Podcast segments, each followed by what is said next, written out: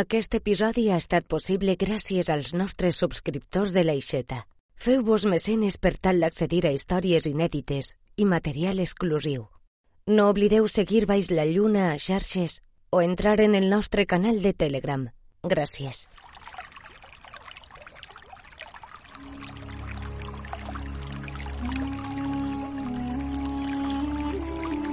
L'aigua porta al seu sí el significat de nàixer. Els primers humans els va permetre passar del nomadisme al sedentarisme, afavorint el descobriment de l'agricultura i el desenvolupament dels pobles i civilitzacions.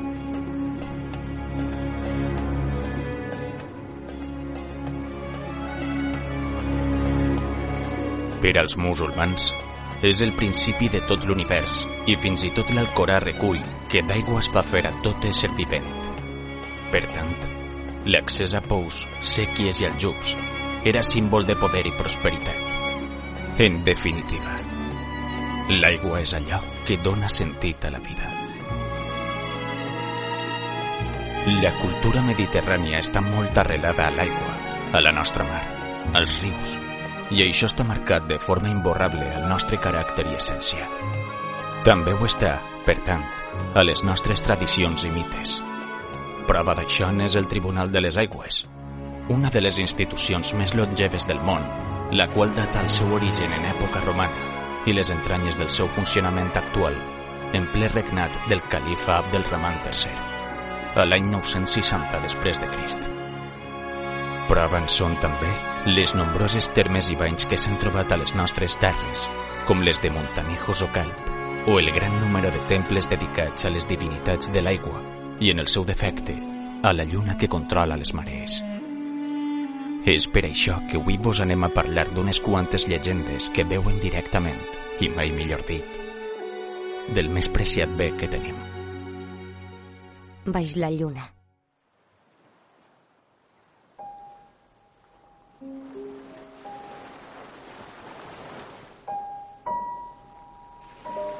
Al nord de la província d'Alacant, a la localitat de Calp, s'alça elegantment majestuós un dels símbols de la Marina Alta, el Penyal d'Ifac.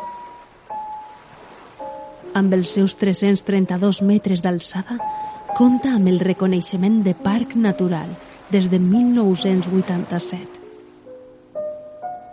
Però per explicar l'origen del penyal, cal tornar enrere en el temps, quan esta zona de les costes del Mediterrani era el regne d'una colònia de sirenes que havien arribat fins allí meravellades amb el clima i la calidesa de la nostra mar.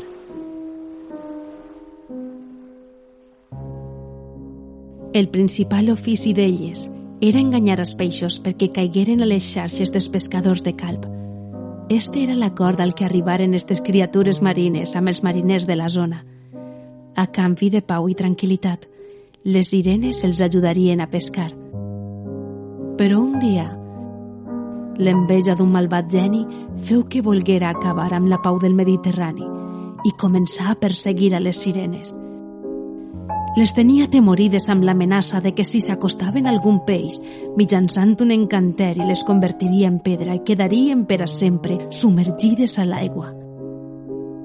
Les sirenes, per por a que el temible geni complira la promesa, decidiren amagar-se i no eixir del seu cau. Això significava que tampoc podrien ajudar als mariners a capturar els peixos, faltant així a la seva paraula. Els pescadors, aliens a les amenaces del geni, pensaren que les sirenes estaven burlant-se d'ells i que possiblement estaven treballant per als pescadors d'alguna localitat propera. Aleshores, uns quants, carregats amb punxegudes llances de ferro, es llançaren a la mar amb l'objectiu d'acabar amb la vida de totes elles. Les sirenes eren criatures valentes, però sentint-se perseguides per dos enemics al mateix temps, pensaren que el millor era demanar ajuda a l'ésser més poderós de l'aigua, el déu Neptú. Ell va escoltar les sirenes i acudir a ajudar-les. Per donar-los protecció, els oferia els serveis d'un geni bo que coneixia. Este geni sabia molt bé del que era capaç el seu adversari i també què havia de fer per atemorir-lo. Un matí l'aliat de Neptú s'acostà al geni Roí per advertir-li que havia de deixar en pau a les sirenes, doncs estaven davall la protecció del déu dels mars i els oceans. Però el maleït no el va creure i seguia espantant a les sirenes. Aleshores Neptú, carregat de fúria, li va atorgar el poder de la petrificació al geni bo.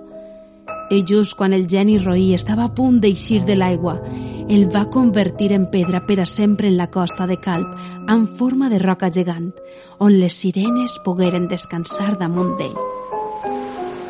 I diuen que quan la boira envaeix el penyal d'Ifac és perquè l'envejós geni està tractant d'escapar.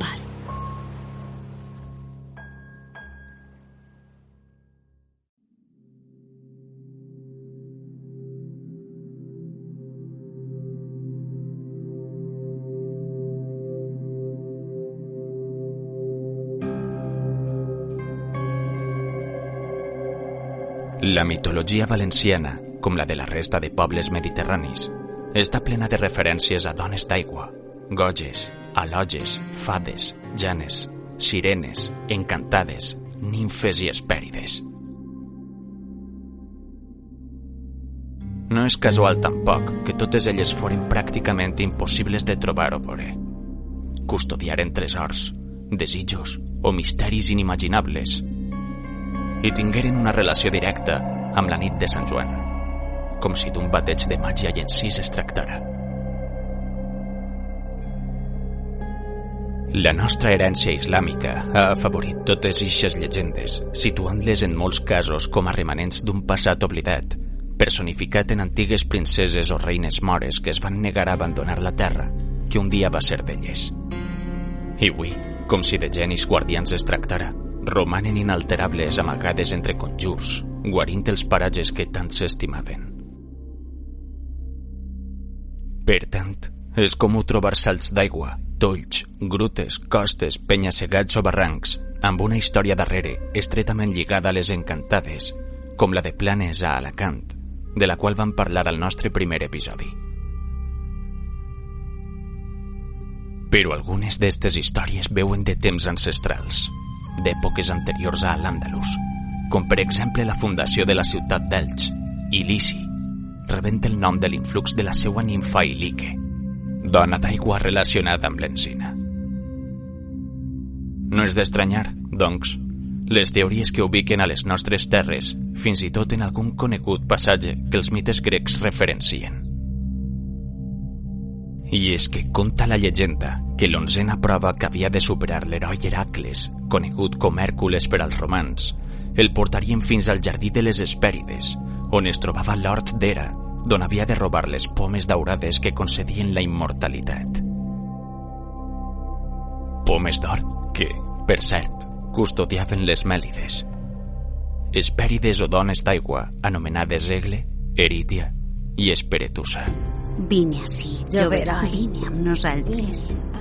Mai has estimat a un esperit? Mai n'has estimat a tres? Amb nosaltres ho pots passar molt fes-nos teues i oblida't d'eixes pomes. No obstant, aquell jardí tenia un altre guardià molt peculiar que responia al nom de Lladó, un drac de cent caps impossible de vencer, el qual va ser derrotat pel tità Atles gràcies a un enginy o engany perpetrat pel semideu fill de Zeus, el qual finalment es va fer amb eixes pomes d'or que li garantien accedir a l'última de les seues proves. La controvèrsia amb esta història ja no ve pel fet que alguns situen la localització de l'hort a la costa est de la península ibèrica. I no parle del jardí dedicat al mite que tenim a la ciutat de València. Doncs és conegut que altres historiadors el situen a Líbia. La verdadera ambigüitat de la fita ve pel caràcter d'eixes pomes daurades que Hèrcules havia de robar. Pomes que, segons la llegenda, podrien ser taronges. Un fet que aproparia més encara el mite grec a les nostres terres. En molts idiomes, el cítric valencià per excel·lència rep el nom de poma daurada i per als grecs i els romans no n'era una excepció. De fet, el seu nom en llatí segueix sent Pomum Aurantium, i la idea la mantenen cultures com la germànica, l'hebrea o la russa. Si bé els cítrics com la llima o la taronja eren considerats fruits exòtics, el cultiu dels quals el desenvoluparien els àrabs ben entrat el segle XI, important llavors directament de l'Índia. Algunes proves evidencien que si bé la taronja no estava massa estesa per l'imperi romà, sí que era coneguda i, fins i tot, important en ciutats com Pompeia o Saguntum. En qualsevol cas, i tornant a les dones d'aigua, existeix una evidència etimològica major. I és que la família dels cítrics en grec s'anomena, precisament, esperidoids. És, per tant, el jardí de les Hespèrides realment el jardí dels cítrics? Havia de robar Hèrcules o Heracles taronges de l'hort d'Era en lloc de pomes d'or? I en cas de ser de veres, el fet de que el jardí es trobara a les nostres terres esdevindria un auguri de l'or que suposaria la taronja per a nosaltres? Siga com siga, i com sabreu els que ens seguiu des del principi, no és l'única font d'immortalitat custodiada per donzelles d'aigua, espèrides, que tenim els valencians.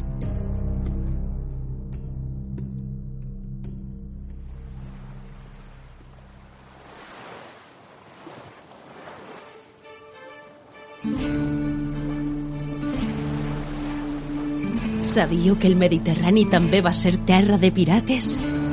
Des de temps immemorials, vikings moros, tunisians i sarraïns van assolar les nostres costes.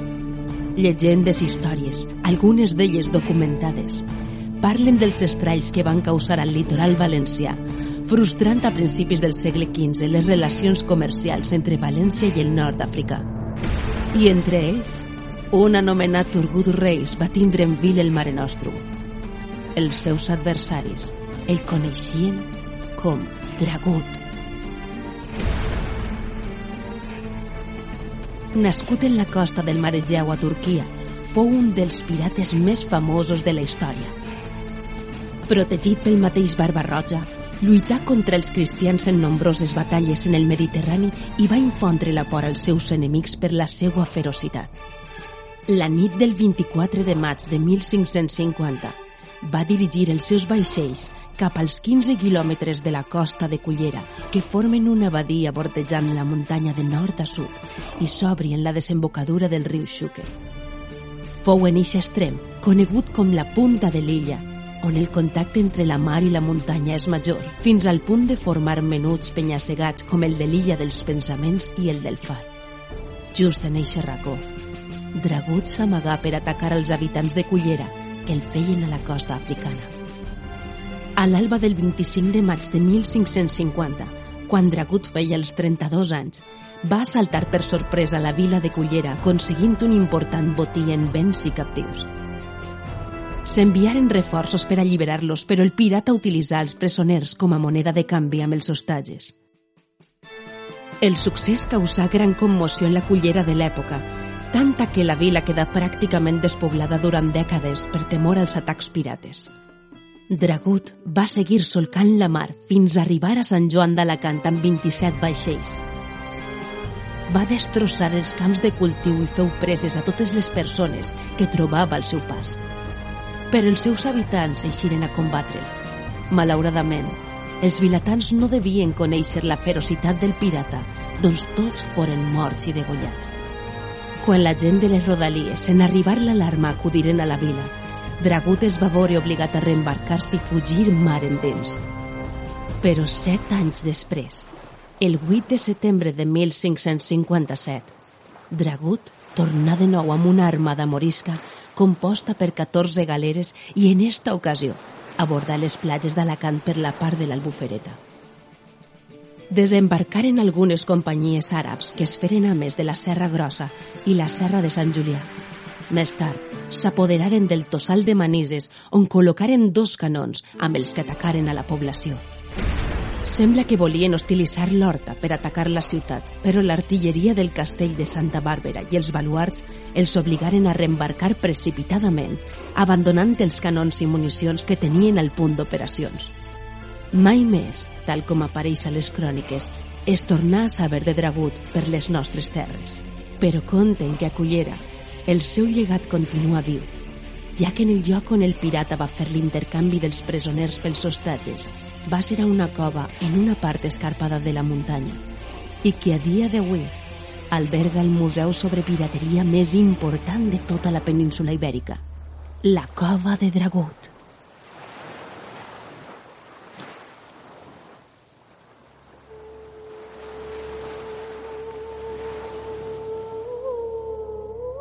Moltes són les bèsties i monstres que han solcat els nostres rius i llacs o s'han endinsat en la nostra mar. Alguns mariners i pirates parlaven de polps gegantins que van arribar a tragar-se embarcacions senceres prop de les illes Columbretes. També és coneguda la llegenda de la Cucafera, un drac valencià amb una impenetrable closca de tortuga i una poderosa mossegada que feia estrells atacant des de l'aigua en les immediacions del Xúquer. Fa uns segles, en les localitats que envolten el Túria es contava la llegenda d'un drac que vivia en el riu i es menjava tot aquell inconscient que gosara d'entrar-se en el seu torrent. El drac, famolenc, no dubtava en avisar les seues víctimes. Si parleu i parleu, a la panxa que vindreu. Un dia, un jove cavaller va prendre la decisió d'acabar amb la bèstia d'una volta per totes. Per a fer-ho, va tindre la magnífica idea de vestir-se amb una armadura feta d'espills. Quan el drac el va escoltar arrimant-se, va tornar a dir de manera feroge. Si parleu i parleu, a la panxa que vindreu. Al veure que el jove no tenia cap por, va eixir de l'aigua per menjar-se'l. No obstant, els espills que envoltaven l'armadura del guerrer van deixar el drac totalment confós, paralitzat davant del seu propi reflex. I el jove va aprofitar el moment per clavar-li la seva llança i derrotar-lo. La llegenda del drac del patriarca la contaven les mares valencianes als seus xiquets fa segles i les restes d'un temible caimán dissecat en l'església del patriarca, regalat pel virrei de Perú, donaven un aire de legitimitat al mite a ulls dels xiquets. Blasco Ibáñez va reunir una sèrie d'antigues llegendes de l'Albufera per donar forma i contar el seu propi mite, on un pastoret va arribar a fer-se molt amic d'una simpàtica serp anomenada Sancha. Alimentava la seva amiga amb llet d'ovella i ella, per jugar, s'enroscava en el seu cos en senyal d'amistat, com si li fera una carinyosa abraçada de complicitat. Un dia, el pastoret va haver d'anar-se'n a la guerra i van passar uns anys fins que tornara a terres valencianes. En fer-ho, no va dubtar en arrimar-se a l'albufera a visitar la seva rèptil amiga. Però Sancha havia crescut moltíssim. Tantíssim com per arribar a ésser una serp gegant, capaç de menjar-se d'un sol mos qualsevol dels caps del ramat del seu amic. Igualment, l'amor que sentia l'animal va fer que, com en els vells temps, tornara a voler fer-li una abraçada afectuosa al pastoret, ara soldat. Però tant havia crescut i tanta força tenia la pobra serp que, sense pretindre-ho, va esclafar-li tots els ossos del cos i el va matar. Les llegendes de dracs, serps i anguiles gegantines han perviscut a l'albufera, donant forma a virals falsificacions i fins i tot a una marca de cervesa. Avui és responsabilitat nostra preservar els nostres espais naturals i, qui sap, tal volta trobem algun dia evidències d'algun dels monstres que atemorien els nostres avantpassats.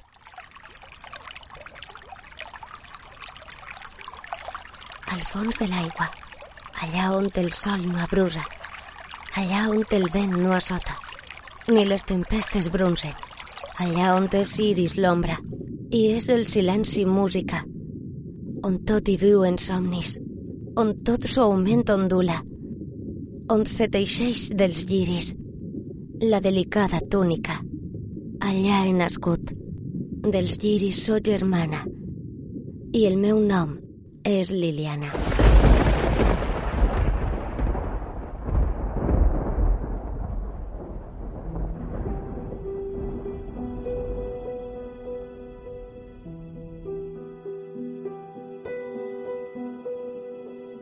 La cala del Gosset està situada en la platja del Trampolí, en la zona de les rotes de Dènia. Rep nom perquè l'aigua és d'una roca amb una forma que recorda molt a la d'un gos i amb l'anada i tornada de les ones sembla que mou les potetes per nadar.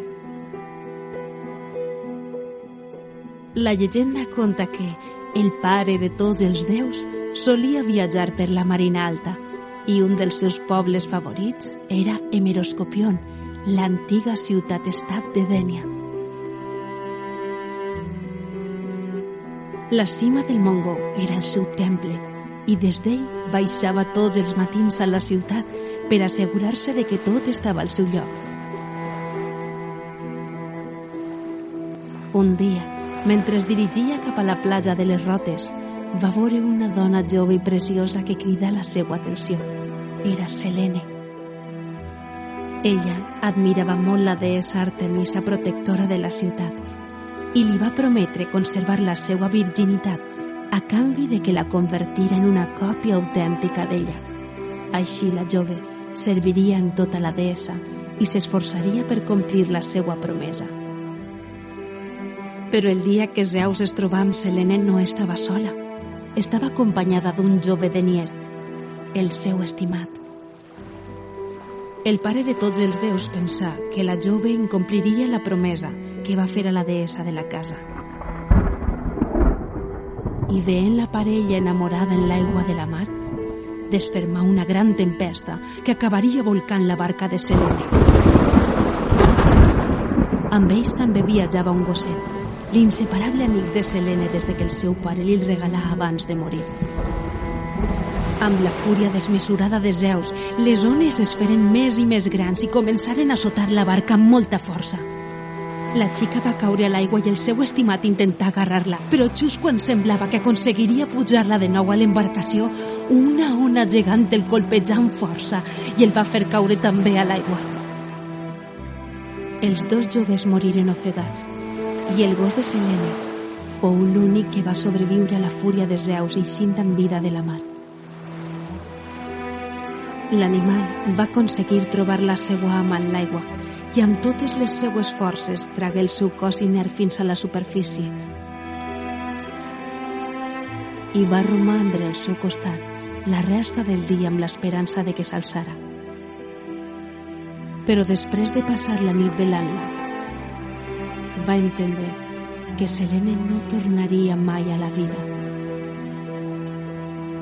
La pena d'haver perdut a la seva ama fou tan gran que l'animal no va poder suportar-la i morí allí també. Zeus, que no havia perdut detall del que havia passat i també del gest del gos, commogut, va decidir fer alguna cosa per honrar la seva memòria en el mateix lloc on havia passat tot, convertint-lo en pedra en aquella cala on gaudiria per sempre del salitre, la brisa i les ones de la mar.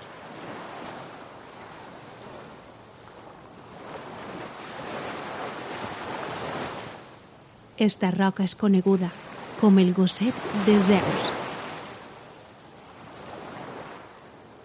Baix la lluna.